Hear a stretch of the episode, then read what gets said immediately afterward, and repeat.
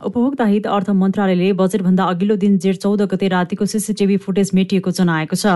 जेठ चौध गते राति अर्थमन्त्री जनार्दन शर्माले मन्त्रालयले बाहेकका व्यक्तिलाई प्रवेश गराई ती व्यक्तिको सुझावका आधारमा करका दर हेरफेर गरेको आरोप लागेका बेला मन्त्रालयले सिसिटिभी फुटेज मेटेको भन्दै पन्छिएको छ।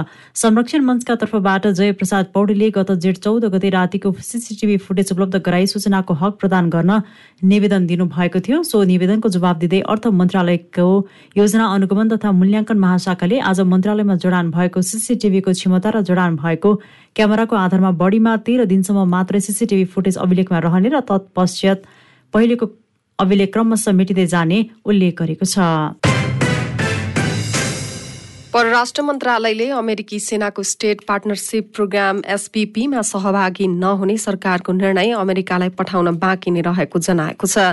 परराष्ट्र मन्त्रालयमा आज आयोजित पत्रकार सम्मेलनमा परराष्ट्र मन्त्रालयकी प्रवक्ता सेवा लम्सालले सरकारको निर्णयमाथि अध्ययन भइरहेको जानकारी दिनुभएको हो। सरकारले एसपीपीमा सहभागी नहुने भनी गरेको निर्णय अमेरिकालाई पठाउन परराष्ट्र मन्त्रालयमा पठाएको छ। परराष्ट्र मन्त्रालयले पनि सरकारको निर्णय प्राप्त भएको तर अमेरिका पठाइ नसकेको प्रवक्ता लम्सालले बताउनुभयो। जेठमा नेपाल एसपीपीमा सहभागी भएको विषय सार्वजनिक भएपछि चौतर्फी रूपमा आलोचना बढेको थियो भने संसदमा पनि सो विषयले प्रवेश पाएको थियो। यसैबीच प्रधानमन्त्री शेरबहादुर देउबा अमेरिका भ्रमणमा जाने लगभग निश्चित भएको छ। परराष्ट्र मन्त्रालयले प्रधानमन्त्रीको भ्रमण तयारी भइरहेको तर मिति तय नभइसकेको जानकारी दिएको हो। मन्त्रालयको नियमित पत्रकार सम्मेलनमा मन्त्रालयकी प्रवक्ता सेवा लम्सालले भ्रमणका लागि विभिन्न चरणमा गृह कार्य गर्नुपर्ने भएकाले मिति तय हुन समय लाग्ने बताउनु भएको हो।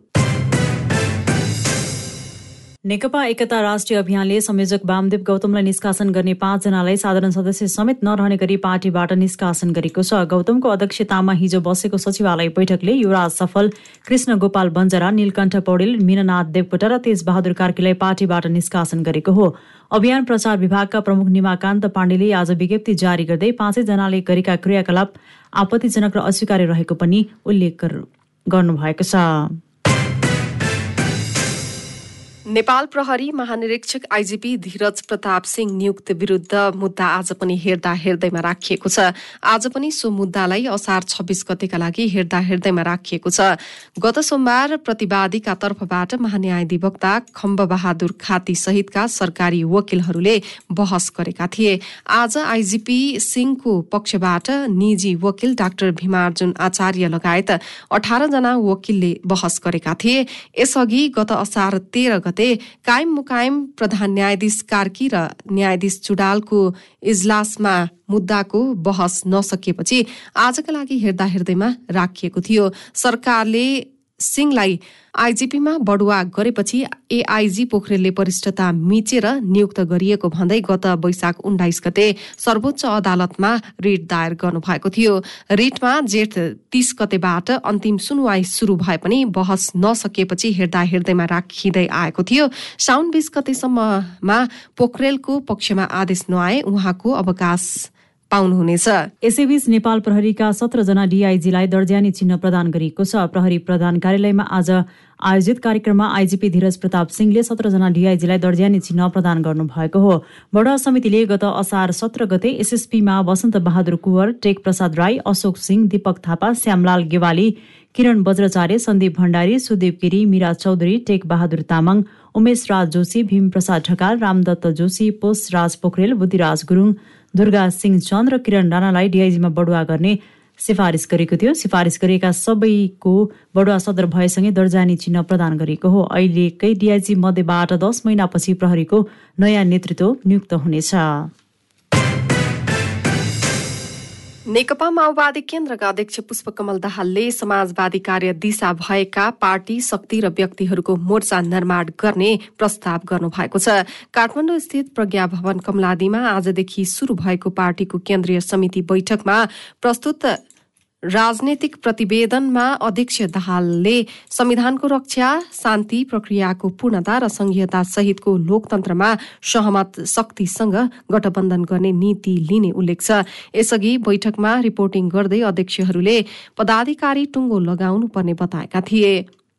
बागमती प्रदेश अध्यक्ष सरल सहयात्री पौडेलले बैठक लम्ब्याएर भए पनि पदाधिकारी टुङ्गो लगाउनु पर्नेमा जोड दिनुभएको छ।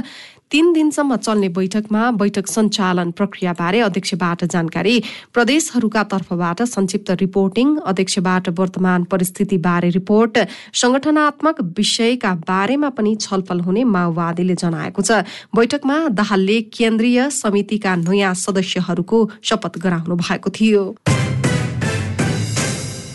नेकपा एमाले स्थानीय तहको निर्वाचनमा भएको अन्तर्घातको छानबिन गर्न समिति बनाएको छ। पार्टी कार्यालय ललितपुरको च्यासलमा आज बसेको एमाले सचिवालय बैठकले स्थानीय तहमा भएको अन्तर्घातको उजुरीमाथि छानबिन र आवश्यक कारवाही गर्न उपाध्यक्ष विष्णु पौडेलको संयोजकत्वमा तीन सदस्य छानबिन समिति गठन गर्ने निर्णय गरेको हो। समितिका सदस्यमा देवेन्द्र दाहाल र विष्णु रिमाल रहनु भएको छ। समितिलाई चुनावमा भएका अनुशासनहीनता र अन्तर्घातका विषयमा छानबिन गरी कारवाही गर्ने अधिकार दिइएको प्रचार विभागका प्रमुख पृथ्वी सुब्बा गुरुङले जानकारी दिनुभयो। बैठकले निर्वाचनको समीक्षा जिल्ला र प्रदेश कमिटिले असार महिनाभित्रै सकाएर केन्द्रीय कार्यालयमा पठाउन पनि निर्देशन दिएको छ। त्यस्तै बैठकले साथै प्रदेश र जिल्ला स्तरमा कार्यकर्ता प्रशिक्षण निर्वाचन तयारी लगायतको काम गर्ने निर्णय गर्दै उपाध्यक्षहरूलाई प्रदेशमा खटाउने निर्णय गरेको गुरुङले बताउनुभयो। बैठकले स्थानीय निर्वाचनको विस्तृत समीक्षा विद्यमान शक्ति सन्तुलनको विश्लेषण गर्ने आफ्ना सरकारका राम्रा कामका प्रचार र वर्तमान सरकारले जनतालाई असर पार्ने निर्णयको भण्डाफोर गर्ने निर्णय पनि भएको गुरुङले बताउनुभयो। प्रचार संयन्त्रको परिचालनको विषय छ। त्यसमा चाहिँ पार्टी केन्द्रीय प्रचार तथा प्रकाशन विभागले गरेको निर्णयको चाहिँ जुन कार्ययोजना छ त्यो कार्ययोजनालाई समावेश गरेर एमएलए एप एपको व्यापक प्रयोग गर्ने मिडिया चाहिँ हाउसहरूसँग समन्वय चाहिँ वृद्धि गर्ने प्रचार क्षेत्रको काम काममा हाम्रो सङ्गठन र पार्टी कार्यकर्तालाई पूर्ण रूप क्षमताका साथ परिचालन गर्ने सामाजिक सञ्जालको प्रयोगमा अत्याधिक ध्यान दिने र यो चाहिँ अतिरिक्त चाहिँ केन्द्रीय प्रचार तथा प्रकाशन विभागको कार्ययोजना समेत समावेश गरी यो चाहिँ एजेन्डा हामीले पास गरेको छ। त्यस्तै बैठकले विभिन्न केन्द्रीय विभागका सचिवमा मनोनयन र केही नयाँ विभाग समेत गठन गरेको छ भने चौतर्फी घेराबन्दीका बीचमा एमाले पहिलो शक्तिका रूपमा स्थापित भएको निष्कर्ष निकालेको गुरुङले जानकारी दिनुभएको छ। नेपाली कंग्रेसका सभापति शेरबहादुर देउवाले पदाधिकारी बैठक बोलाउनु भएको छ। असार एक्काइस गते मंगलबार दिउँसो एक बजे बस्ने गरी देउवाले बैठक बोलाउनु भएको हो। पार्टी केन्द्रीय कार्यालय सानेपामा बस्ने बैठकमा भातृ र शुभेच्छुक संस्थाको विधान तय गरिने मुख्य सचिव कृष्ण प्रसाद पौडेलले बताउनुभयो पार्टीभित्रका अरू विषय र राजनीतिक विषयमा समय सामयिक छलफल गर्ने गरी बैठक बोलाइएको उहाँले जानकारी दिनुभयो। नेपालमा पहिलो पटक विज्ञापन सम्बन्धी आचार संहिता लागू भएको छ। काठमाडौँमा विज्ञापन बोर्डले आज आयोजना गरेको कार्यक्रममा संचार तथा सूचना प्रविधि मन्त्री ज्ञानेन्द्र बहादुर कार्कीले विज्ञापन उत्पादन वितरण प्रकाशन तथा प्रसारण सम्बन्धी आचार संहिता सार्वजनिक गर्नुभएको हो। अडतिस पृष्ठको आचार संहितालाई विज्ञापन क्षेत्रमा देखिएका विकृति र विसङ्गतिलाई अन्त्य गर्ने विश्वास बोर्डले लिएको छ। सो क्रममा मन्त्री कार्कीले आचार संहितालाई प्रभावकारी रूपमा कार्यान्वयन गराउनु पर्नेमा जोड दिनुभएको थियो। उहाँले कुनै पनि नीति निर्माण गर्नुभन्दा कार्यान्वयनको पक्ष अझै महत्वपूर्ण रहेको पनि उल्लेख गर्नुभयो। आचार संहिताले आगामी सातादेखि नतिजा दिन थाल्ने पनि उहाँले उल्लेख गर्नुभयो। विज्ञापन क्षेत्रलाई स्वच्छ र मर्यादित बनाउनको लागि आज जारी आचार संहिताले अर्को हप्तादेखि नै समाजमा प्रभाव दिन सकोस् मेरो त शुभकामना छ। अहिले देखिएका जुन अस्वस्थ प्रतिस्पर्धा छन् विकृति छन् विसङ्गति छन् तिनीहरूलाई एकै दिनमा यही आचार संहिताले अन्त गर्छ भनेर भन्यौँ भनेदेखि त्यो एकाङ्की हुन सक्दछ। तर त्यस दिशामा यो प्रभावकारी हुन सक्यो भनेदेखि यो आचार संहिताको हामीले जारी गरेको यसको ओज र यसको महत्त्व रहनेछ। त्यस्तै विज्ञापन बोर्ड नेपालका अध्यक्ष लक्ष्मण हुमा गाईले विज्ञापनको क्षेत्रमा सरोकार राख्ने विज्ञापन व्यवसायी मिडिया व्यवसायी पत्रकार संघ संस्था लगायतका सरोकार राख्नेसँग पटक पटक छलफल गरिएको पनि उल्लेख गर्नुभएको थियो। संचार तथा सूचना प्रविधि मन्त्री ज्ञानेन्द्र बहादुर कार्कीले निर्धारित समयभित्रै निष्पक्ष भएर ढंगले प्रदेश र संघको निर्वाचन गरिने बताउनु भएको छ। ट्रान्सपरेन्सी इन्टरनेशनल नेपालले आज काठमाडौँमा आयोजना गरेको सरकारप्रतिको जनविश्वास केही विवेचना विषयक छलफल कार्यक्रममा मन्त्री कार्कीले भर्खरै स्थानीय तहको निर्वाचन सम्पन्न भएको भन्दै वर्तमान सरकारले नै निर्धारित समयभित्रै निष्पक्ष भयरहित ढंगले प्रदेश र संघको निर्वाचन गर्ने बताउनु भएको हो। उहाँले निर्वाचन पनि जनताको मत अनुसार अर्को सरकार गठन हुने जिकिर गर्नुभयो। वर्तमान सरकार कानूनी शासनलाई कागजी रूप वा भाषण मात्रै नबनाएर व्यवहारमा नै उतार्ने दिशामा अग्रसर रहेको उहाँले बताउनुभयो। उहाँले आवधिक निर्वाचन मार्फत निर्माण हुने सरकारले आफूले गरेको बाचा पूरा गरेको छ वा छैन भनेर जवाफदेही बनाउने काम नागरिकको भएको धारणा राख्नुभयो। मन्त्री कार्कीले मुलुकमा भएका स्रोत र साधनलाई अवसरको रूपमा परिचालन गरेर दस वर्षभित्र नेपाललाई दक्षिण एसियाली मुलुकमा नै धनी मुलुक बनाउन सबै अग्रसर हुनुपर्ने बताउनुभयो संविधानको भावना अनुसार अगाडि बढ्नु सरकारको दायित्व त्यसमा सरकार कानुनी शासनलाई सुशासनलाई केवल भाषण गर्ने विषयवस्तु अथवा दस्तावेजमा लेख्ने विषयवस्तु मात्र नबनाएर यसलाई व्यवहारमा लागू गर्ने दिशामा अग्रसर छ। त्यसको मूल्याङ्कन यस्ता समारोहहरूले पनि गर्ला र आम जनताले पनि गरिराखेका छन्। अबको हाम्रो कर्तव्य मलाई लाग्छ हामीसँग जुन साधन र स्रोत छ तिनीहरूलाई अब दस वर्षभित्रमा अवसरको रूपमा परिणत गरेर यो देशलाई अब आउने पुस्तालाई कमसे कम दक्षिण एसियामा धनी पुस्ताको रूपमा परिचित गराउनका निमित्त हामीले काम गर्नुपर्छ। कार्यक्रममा पूर्व नायब महालेखा परीक्षक रामबाबु नेपालले सरकारप्रतिको जनविश्वास विषय कार्यपत्र प्रस्तुत गर्नुभएको थियो। प्रदेश एकको आर्थिक वर्ष दुई हजार उनासी अस्सीको बजेट प्रदेशसभाबाट बहुमतले पारित भएको छ। प्रदेशसभाका मुख्य विपक्षी एमालेका सांसदहरूले राखेको खर्च कटौतीको प्रस्ताव बहुमतले अस्वीकार गरेपछि आर्थिक मामिला मन्त्री इन्द्र बहादुर आङबोले बजेट पारित गरियोस् भन्ने प्रस्ताव पेश गर्नु भएको थियो। सभामुख प्रदीप कुमार भण्डारीले संसदमा निर्णयार्थ पेश गर्दा बजेट बहुमतले पारित भएको हो। नियोजन विधेयकमाथिको छलफलका क्रममा उठेको प्रश्नहरूको हिजो मुख्यमन्त्री राजेन्द्र राई सहितका बाह्रजना मन्त्रीले जवाब दिनुभएको थियो। आजको बैठकमा नेकपा एमाले विनियोजन विधेयकमाथि खर्च कटौतीको प्रस्ताव दर्ता गरेको थियो। एमाले दर्ता गरेको प्रस्ताव भने अस्वीकृत भएको छ। प्रदेश सरकारले आर्थिक वर्ष दुई हजार उनासी अस्सीका लागि उन्चालिस अर्ब त्रिहत्तर करोड त्रिचालिस लाखको बजेट असार एकमा संसदमा प्रस्तुत गरेको थियो। राष्ट्रिय निजी तथा आवासीय विद्यालय एसोसिएसन नेपाल एन्ड प्याप्सनले अशक्त तथा आर्थिक रूपले विपन्न प्रहरी कर्मचारीका छोराछोरीलाई निशुल्क शिक्षा प्रदान गर्ने भएको छ। सामाजिक उत्तरदायित्व कार्यक्रम अन्तर्गत अशक्त तथा आर्थिक रूपले विपन्न प्रहरी कर्मचारीका छोराछोरीलाई निशुल्क शिक्षा प्रदान गर्ने बारे आज एन प्याप्सनका सह अध्यक्ष सुभाष नेउपाने र नेपाल प्रहरी श्रीमती संघकी अध्यक्ष कुसुमलता सिंह बीच हस्ताक्षर भएको हो।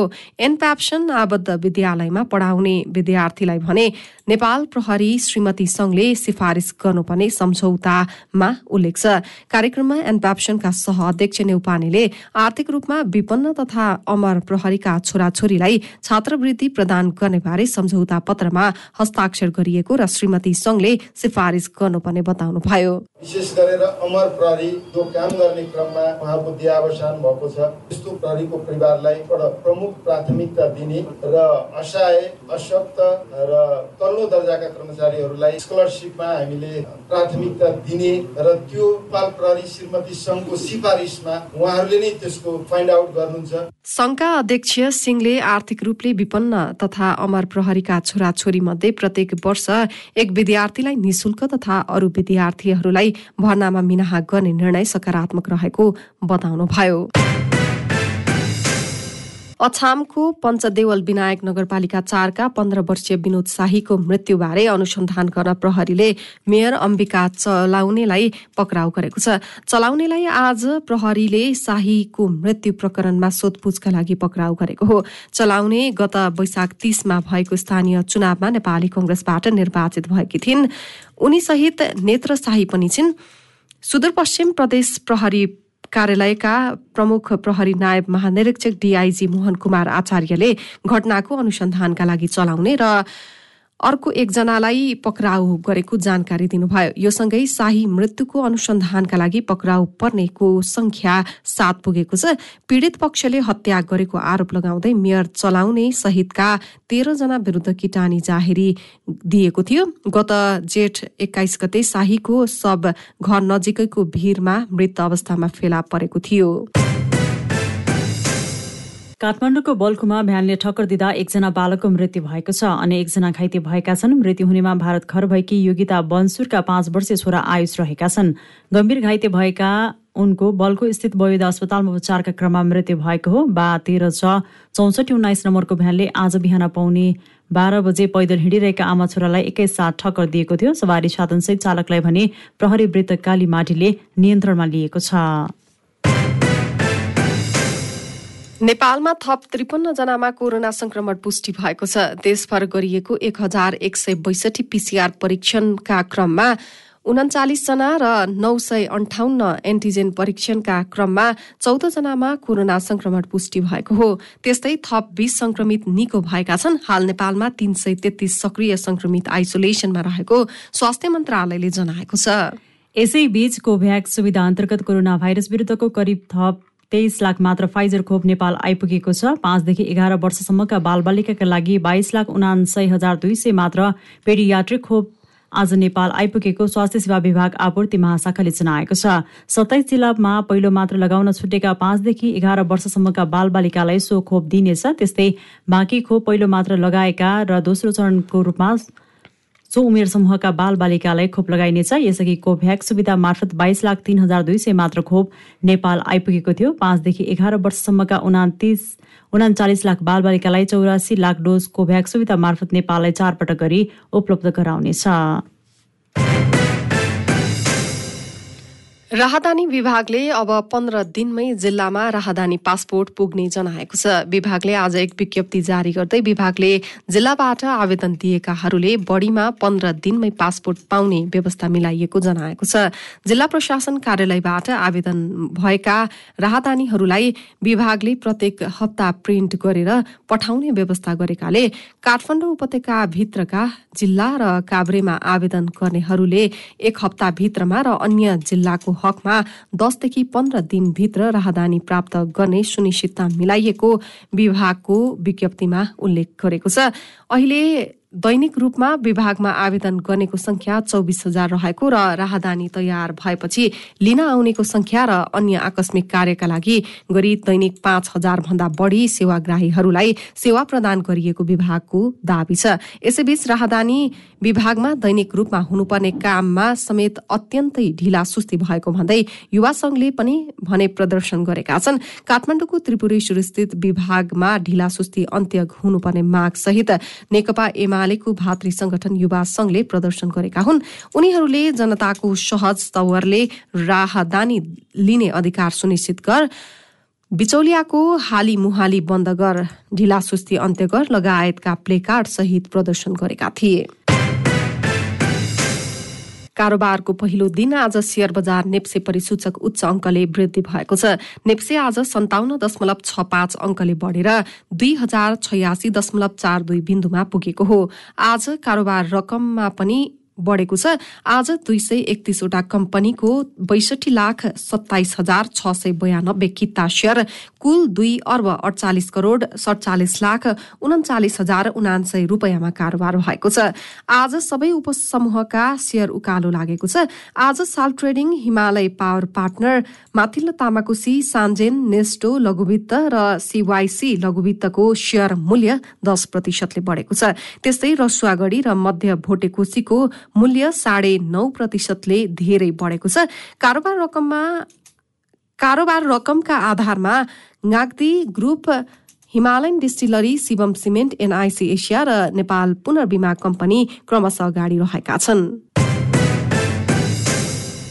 चालु आर्थिक वर्षको छ महिनामा दुई लाख सडसठी हजार भन्दा बढी पर्यटक नेपाल भित्रिएका छन्। कोरोना भाइरसको महामारी घट्दै जानु र यात्रुमाथिको प्रतिबन्धहरू फुकुवा हुँदै जाँदा पर्यटक आवागमन उत्साहजनक रूपमा सुधार देखिएको छ। सन् दुई हजार बाइसको छ महिना जनवरीदेखि जुनमा दुई लाख सडतिस हजार छ सय छयानब्बेजना पर्यटक नेपाल भ्रमणमा आएका छन्। नेपाल पर्यटन बोर्डका अनुसार जुन महिनामा मात्र छयालिस हजार नौ सय सन्ताउन्नजना पर्यटक नेपाल भित्रिएका छन्।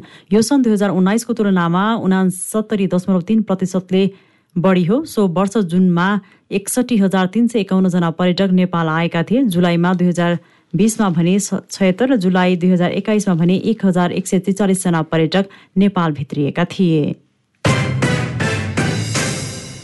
क्यान्डिड न्युजमा अब अन्तर्राष्ट्रिय समाचार। खानी मजदुरको खोजीमा खटिएका सुरक्षाकर्मीमाथि बन्दुकधारीको समूहले आक्रमण गर्दा तीसजना नाइजेरियाली सैनिकको मृत्यु भएको छ। चारजना चिनिया नागरिक सहित अन्य खानी मजदुरमाथि भएको आक्रमण र त्यस क्रममा अपहरण गरिएकाहरूको खोजीमा खटिएका सैनिक सिरोरोमा मारिएका एकजना नाइजेरियाली सैनिक अधिकारीले बताएका छन्।